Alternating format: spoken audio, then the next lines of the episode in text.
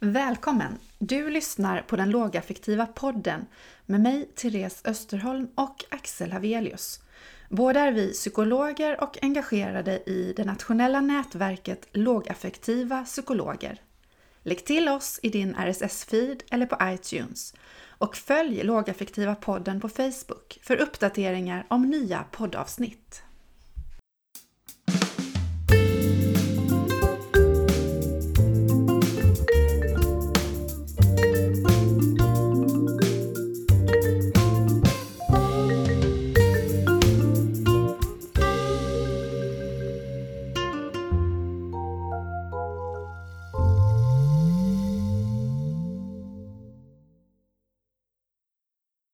Välkommen till Lågaktiva podden. Det här är Axel som pratar.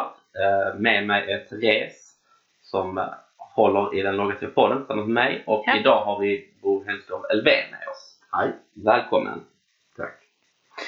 Ja, och varför vi har med oss psykolog Bo Hedskog Elfven idag är ju inte så svårt att räkna ut eftersom du är förgrundsgestalten för lågaffektivt bemötande här i Sverige.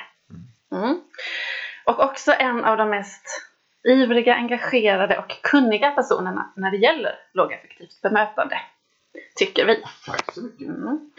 Eh, så idag eh, tycker vi att det är väldigt fint att du kan vara här och prata lite grann om hur det började, eh, kanske lite hur du ser på utvecklingen av eh, lågaffektiv metod i Sverige, vad som kanske är dagens eller morgondagens största utmaning eh, och alltihopa ur ett lågaffektivt perspektiv sett.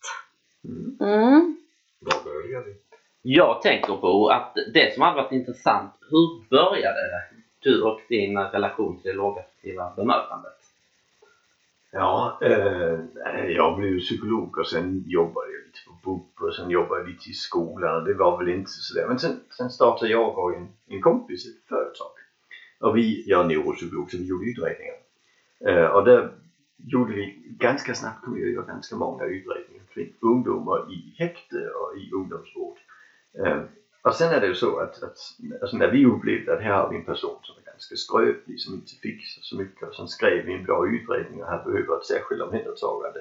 Och sen hör vi från personalen, de har haft fyra fasthållningar på en eftermiddag på den killen. Ja. Och sen tänker man, fan inte kloka. Alltså så kan vi inte ha det.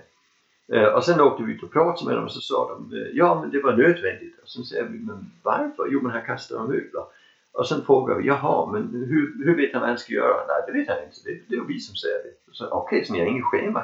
Nej, nej, nej, nej. Och så sa vi, men ni måste ju ha ett schema, annars kastar han med möbler. Så sa vi, ja han kastar möbler. Så sa ja men då måste ni ju ha ett schema. Så sa de, nej, han kastar möbler. Ja, sa vi. Det är för att ni inte har något schema. Nej men det är det inte, han, han, han följer inte schemat. Och, och vi upplevde att oberoende vad vi gjorde i det här som handlar om att få, få lov att förändra verksamheten, där hände inte ett smack. Så länge han kastar med möbler. Så fast ni hade gjort en, eh, en troligtvis god utredning Fick ingen som fick helst ingen som helst Ingen effekt. som helst effekt.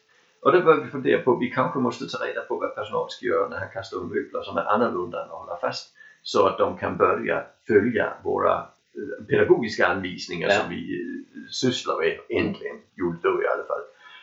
Och, så, och sen ja, träffade vi på lite folk och det var ett projekt i Danmark på den tiden som hette eh, maktanvändning i, grundskolan där jag också Ja. var lite inne och pillade och så. Uh, åkte till England, pratade med Andy McDonald som sysslar med just fysisk metod för våldshantering och sånt utifrån ett, ett lågaffektivt sätt att tänka. Och kom hem och tänkte, vi behöver nog beskriva dels hur man ska förebygga och dels hur man ska hantera svåra situationer. Och sen i sista hand hur man ska hantera det, men vi tänker det mesta går ytan. Och sen började vi, jag började skriva lite, så vi började skriva lite debattartiklar, vi började handleda personal och, och det är väl egentligen där det börjar. Och sen ju fler frågor man får i vardagen, ju mer har vi byggt på det här tänkandet, ju mer frågor vi har ställt oss själva, ju mer har vi tittat på den forskning som finns och så. Och har fått igång ett samarbete med folk över hela världen som gick i samma process kan man säga. Som, som vi gick med i, i psykologkompaniet. Så det är, väl egentligen, det är väl egentligen det det börjar med kan man säga. Och när i år är det här ungefär? Alltså vi startade företag 2001. I 2005 hade jag min första föreläsning om lågaffektivt typ bemötande. I eh, 2008 slutade jag göra utredningar utan bara jobbade med handledning och, och, och, och utbildning kring detta. Och sen dess har jag sysslat med verksamhetsstöd, handling, utbildning och forskning. Så, så det, det, är, det är inte så, alltså jag brukar säga det är tio år sedan, eh, 2006, att vi på allvar sådär eh, börjar ta det stora steget i detta. Så det är egentligen inte, en, alltså, i, i min värld en tio år gammal metod. Sen är det ju systermetoder kallar jag dem, folk som har någorlunda samma grundsyn men som har haft lite andra mål, alltså lösningsfokuserat eh, pedagogik eh, redan på 90-talet men hade ett annat mål än oss, men samma grundläggande tanke. Eh, det ser Ryans ar arbete i, i USA på 90-talet också, eh, men handlar om vanliga barn. Mm. Vi har, mitt har ju handlat om barn med särskilda behov. Ross Greens arbete som också började på 90-talet, men som har mer behandlingsmässigt fokus. Men, Ja. men vi är väl i samma familj kan man säga. Men det som jag var intresserad av och, och fortfarande är mest intresserad av det är hur kan vi göra istället för hålla fast? Alltså, Mm. För jag menar det är det absolut största övergreppet vi har. Så det är, där, det är det som är mitt kärnan i mitt Mm. arbete. Så det är, det hur kan vi göra något Mm. annat när det kraschar? Det är själva drivet. Ja, medan de andra sysslar med andra mål så att säga, men Mm. med samma grundtänk. Och från början trodde en del av de här olika personerna att vi allihopa var konkurrenter och idag vi vill överens om att vi är kompisar istället. Som har lite olika vinklar på samma grundsyn. Samma grundsyn, okej. Mm. Eh, så det låter som att det är en teori i utveckling. Absolut. Eh, Och det, det, det finns ju folk som säger att ni har ingen evidens och så brukar jag säga jo det finns en del forskning vi bygger detta på och den här rena evidensbasering som handlar om interventionsstudier där måste vi ju först ha allting på plats innan vi kan mäta på något. Alltså så vill du bara jobba med ren evidens ja då är du alltid 20 år efter utvecklingen. Alltså Ja. så måste det vara liksom. Så, och vi ligger i framkant eh, när det gäller lågaffektivt. Det som är spännande det är ju att, att det har blivit så stort så pass tidigt kan man säga. Varför är det så tror du? Jag tror det är för att det funkar på en gång. Det är, alla andra metoder vi har sysslat med har haft ett behandlingsmässigt fokus så vi börjar på något och sen på sikt kanske det får en förändring. Men här det handlar det om att du går in i situationen och har plötsligt något som funkar helt annorlunda än det du gjorde innan. Så, så det, det är ju, det är ju nästan så förförande. Och därför är det ju lätt att övertyga folk om att de ska jobba så här när de har provat det. Och det innebär att vi har fått en väldig succé innan vi annars hade fått i, i, i det mesta metodutveckling. Och det är bra. För nu är vi där där vi då börjar forska riktigt med examinationsstudier. Så när vi introducerar det till exempel som personal så låter vi dem lyckas lite. Ja, Och sen vill lyckas, de ha mer. de lyckas ju stort sett från första dagen och sen, och sen, är, det, sen är det lätt att, att göra de här förändringarna. Hur skulle du beskriva eh, det lågaffektiva bemötandet? Om vi fick tvungen att göra det kort. Ehm, alltså jag skulle säga att det är ett förhållningssätt och det är ett grundläggande pedagogiskt förhållningssätt som utgår ifrån att den person vi, är, vi har med att göra gör sitt bästa. Ehm, och därför måste vi skapa utrymme för personen att det bästa är gott nog. Det är den första biten. Den nästa biten handlar om att när det sen inte räcker måste vi också ha en metod för att kunna hantera det. Så, så vi, och, och vi börjar i hanteringen. Så lågaffektivt bemötande handlar om att vi hanterar svåra situationer och när vi utvärderar dem så att vi kan sen göra förändringar så att det inte händer igen. Det låter också som att det finns någon slags eh, människosyn eller någon syn på individer Ja, som det, ligger i grunden. och det är väl det vi har gemensamt med de här systermetoderna. Ja. Att, att vi, vi utgår ifrån, det, det fanns på 60-talet en socialpsykolog som hette McGregor. Øh, og Och han sa att det finns två människosyn, så han. at det ena det är att vi tror att øh, äh, øh, människor är lata och behöver motiveras. Och det andra det är att vi tror att människor gör sitt bästa. Och, tror, og, og, og lågaffektiva bemötanden ligger helt klart i att vi tror att människor gör sitt bästa och när förutsättningarna är rätt kommer det funka. Og Och det är väl där vi skiljer oss från de jag vill ju kalla dem de, de gamla psykologiska metoderna som har bråkat förut. Alltså just det inlärningspsykologiska KBT mot det psykoanalytiska, psykodynamiska. Som båda två ju egentligen utgår ifrån att, att, att det måste göra något med människor för att de ska utvecklas. Medan vi tror ju att folk, det blir jättebra om bara vi får Rätt förutsättningar. Mm.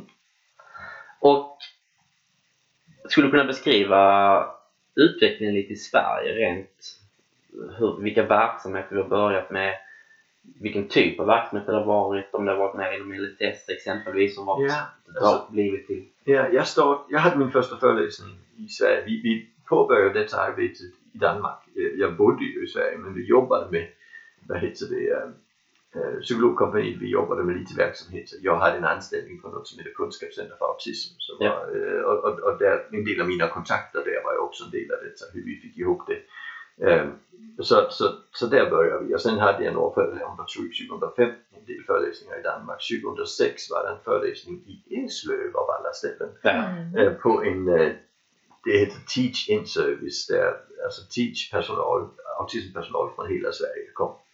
Eh, och det var nordisk så därför var jag inbjuden och den, där föreläste jag då på svenska. Eller det jag nu pratar.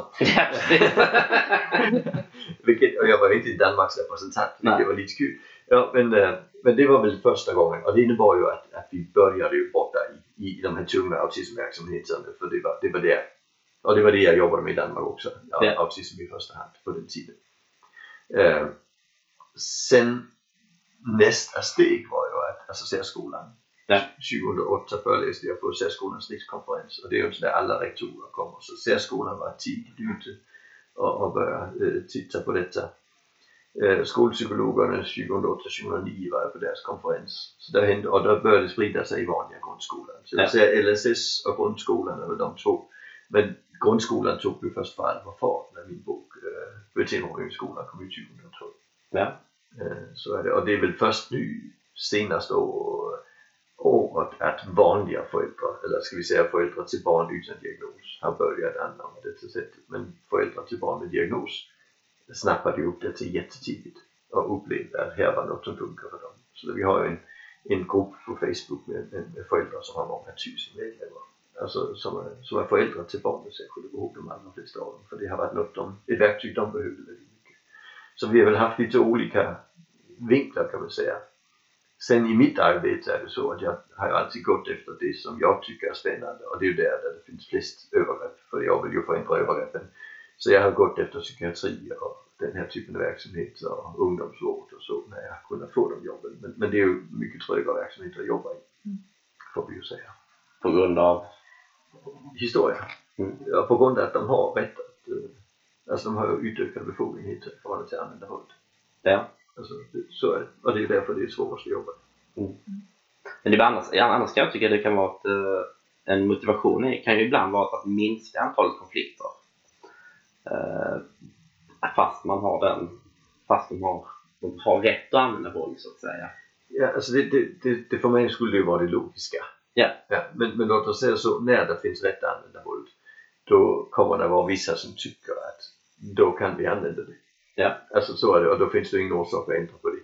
Och Nej. därför har vi ju till exempel i, i Sverige metoder utvecklade eh, som egentligen är hyfsat bra i sin grundsyn, men, men som ändå säger och sen håller vi fast, för vi får. Nej. Och det är till exempel No Power No Lose inom SIS. Sån metod. Vi har terma, regimer inom psykiatrin där vi har bra lågaffektiva grundstrategier men sen kommer vi in med våldet plötsligt när det blir nödvändigt, säger de. Ja. Och det som jag säger det är att den forskning som finns visar att vi använder ju våldet mycket, mycket mer än när det är nödvändigt. Alltså typ hundra gånger mer än när det är nödvändigt.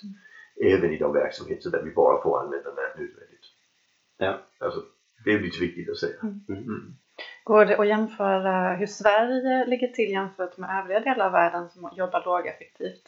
Var ligger vi jämfört med de andra Eh, länderna? Det, det är väldigt olika Mm. skulle jag säga. Alltså, Irland kallar vi ju lågaffektiva landet. Mhm. Och Okej. det är tillfälligheter som har gjort det. Att, att det har funnits rätt personer vid rätt tidpunkt Mm. eh, på Irland. Som, så, så i kring autism och så är det grundläggande väldigt, väldigt långt kommet. Mm. Eh, England har vi jättefina verksamheter och jättedåliga verksamheter. Ehm, Danmark eh, har vi haft en bra utveckling men det finns också en lagstiftning som gör att man faktiskt får hålla fast i vissa situationer som gör att vi kommer aldrig längre ner. Tänker jag, den ska ändras innan vi kommer så långt. USA, eh, vissa ställen på östra sidan där Ross Green har haft bra Mm. arbete så är det väl okej men alltså, och, alltså, annars är det ju där det dör allra flest människor. Mm. Vi hade bara mellan 93 och, och 2003 i USA hade vi ju bara på barnsidan inom LSS och HVB 45 eh, väldokumenterade dödsfall eh, i, på barn. Alltså. Mm. Så det, det, är ju, det, är ju, det är väldigt våldsamt.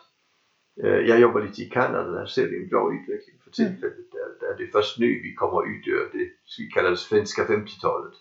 Eh, där vi lägger ner mentalsjukhus och så. Och där ser vi att där är man öppen för ett lågaffektivt arbetssätt nu precis när vi gör den, alltså den Mm. övergången och det är ju jättetrevligt. Ehm, så det är väldigt olika. Vi har eh, utbildat personal i Saudiarabien, i Sydafrika, i Israel. Det är ju ställen som annars vi förväntar är lite tyngre. Mm. Liksom.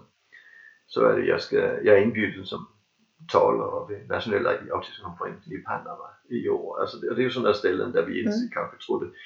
Vi vet att det finns i Sydamerika väldigt mycket något som man, man kallar det där, där kallar man uh, humanisation, humanisation eller något sånt här, alltså mänskliggörande. Och det motsvarar Humanisation kanske. Ja, och det jämför väl ungefär det vi ska kalla personcentrerade arbetssätt som är en systermetod från demensfältet. Mhm. Ehm, och den används väldigt mycket i handikappomsorg och så Mm. i Sydamerika. Så de är ganska öppna men det, ingångarna dit är lite svåra för mig som skandinav, ska vi säga det så. Mm. Men vi har vissa kontakter och Mm. det finns ju forskare och, och, och, och vad ska vi kalla sådana eh, metodkompisar runt omkring, Mm. metodsystrar eh, här och var som, som passar väl. Så jag tänker att Sydamerika är ett, ett spännande fält för det, att det finns en öppenhet för att jobba på detta viset. Mm.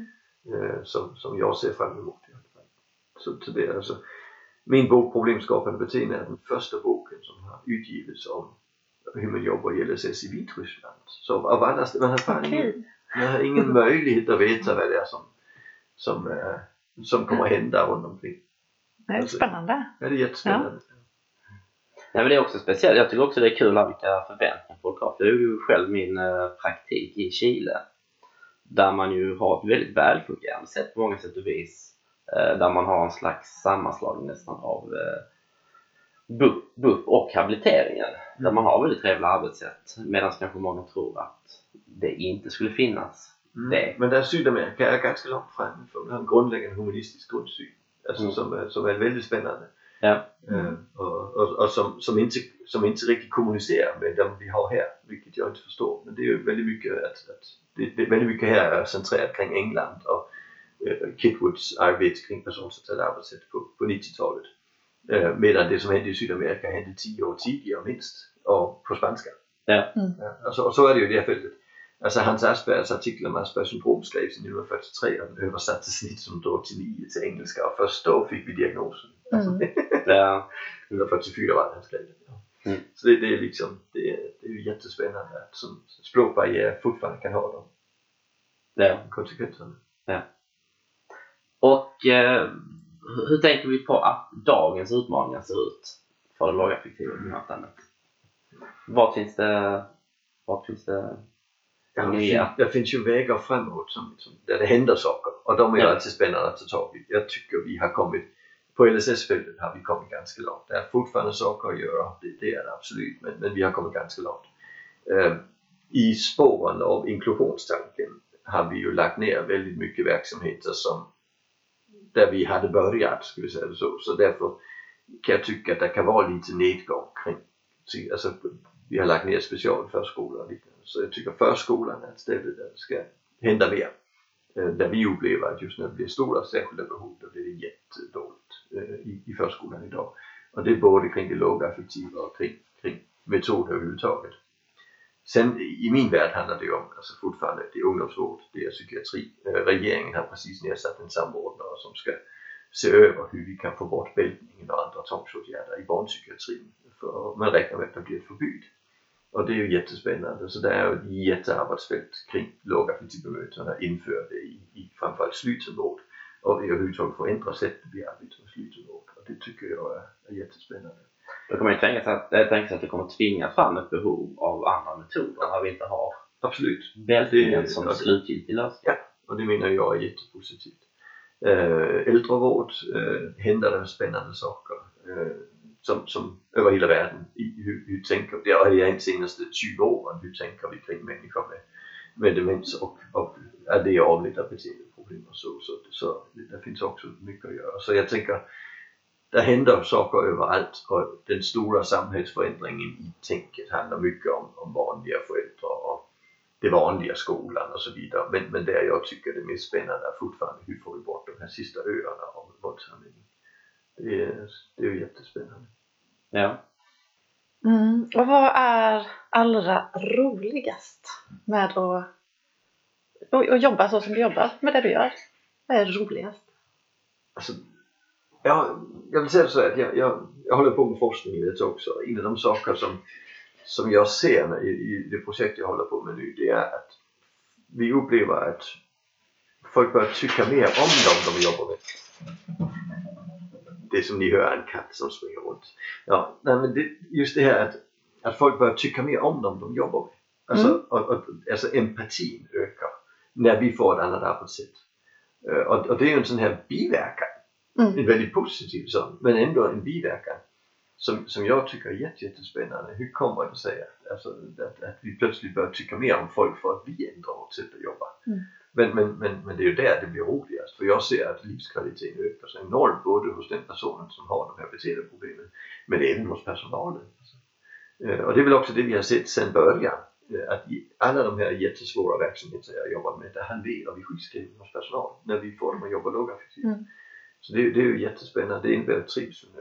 Så och det är väl egentligen det vi allihopa vill på världsplan. Mm. Världen ska bli bättre att leva i. Så är det. Mm. Skapa och, och bibehålla goda relationer mellan de som arbetar och Ja. de som använder sig av tjänsterna eller som Ja, patienter. det jag kallar dem. Jag tycker det är jätte, jätteviktigt. Mm. Ja, eh, och det är väl lite, jag tycker det är lite intressant det här med det, med du säger det vanliga föräldraskapet. Eh, och för att det är ju att många av oss föräldrar eh, upplever ju utmanande beteende men i lite olika utsträckning. Jag fick eh, psykologtidningen nu i veckan och, och där hade, de- har en liten sida med siffror som bara är lite Ja. roliga saker. Och en av de sakerna de har tagit fram det är att en studie har visat att människor är allra mest våldsamma vid tre års ålder. Ja, Det är alltså där våldsanvändningen är störst. Det är Ja. vid tre års ålder. Så, så vanliga föräldrar har ju faktiskt ganska våldsamma barn men de är lite små så det blir inte så våldsamt. Men, Nej. antalet slag så det, det är alltså störst vid tre års ålder. Det är ju jättespännande. ja. Så många har upplevt detta och Ja. behövt hantera det på något sätt. Man måste kunna hantera det. Ja. Och, och, och, och, jag tycker att när vi, när vi fick äh, AGA-förbudet så sa folk ju men vad ska vi då göra? Ja, Men det har gått ganska bra. Alltså så när vi, när vi liksom hittar ett annat sätt då funkar det ju också. Alltså så är det. Och, och det, det, det är det jag tänker också nu i det lågaffektiva föräldraskapet som jag tycker är väldigt intressant. Det är det här med att tänka, ja, men hur kan jag göra så att jag får mitt barn att uppleva att mitt barn är delaktig i sitt liv och väljer att göra rätt saker. Så att barnet tränas i att ta bra beslut i sitt liv. För ingen av oss vill ju att vi ska träna barnen i att vara lydiga så de blir lydiga vuxna. Det är ju inte så bra. Mm. Så, så just den tanken som går egentligen lite ut över det lågaffektiva och ut i den här människosynen bakom tycker jag är jätte, jättespännande. Mm.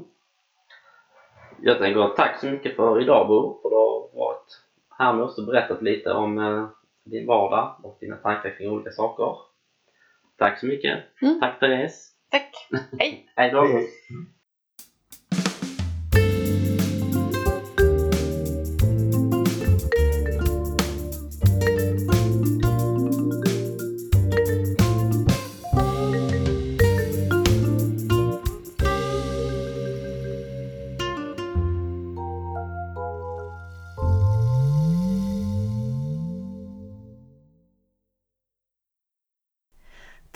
Att du lyssnade på den lågaffektiva podden. Den snygga jingeln i början och i slutet kommer från Emil Wilbas. Välkommen åter!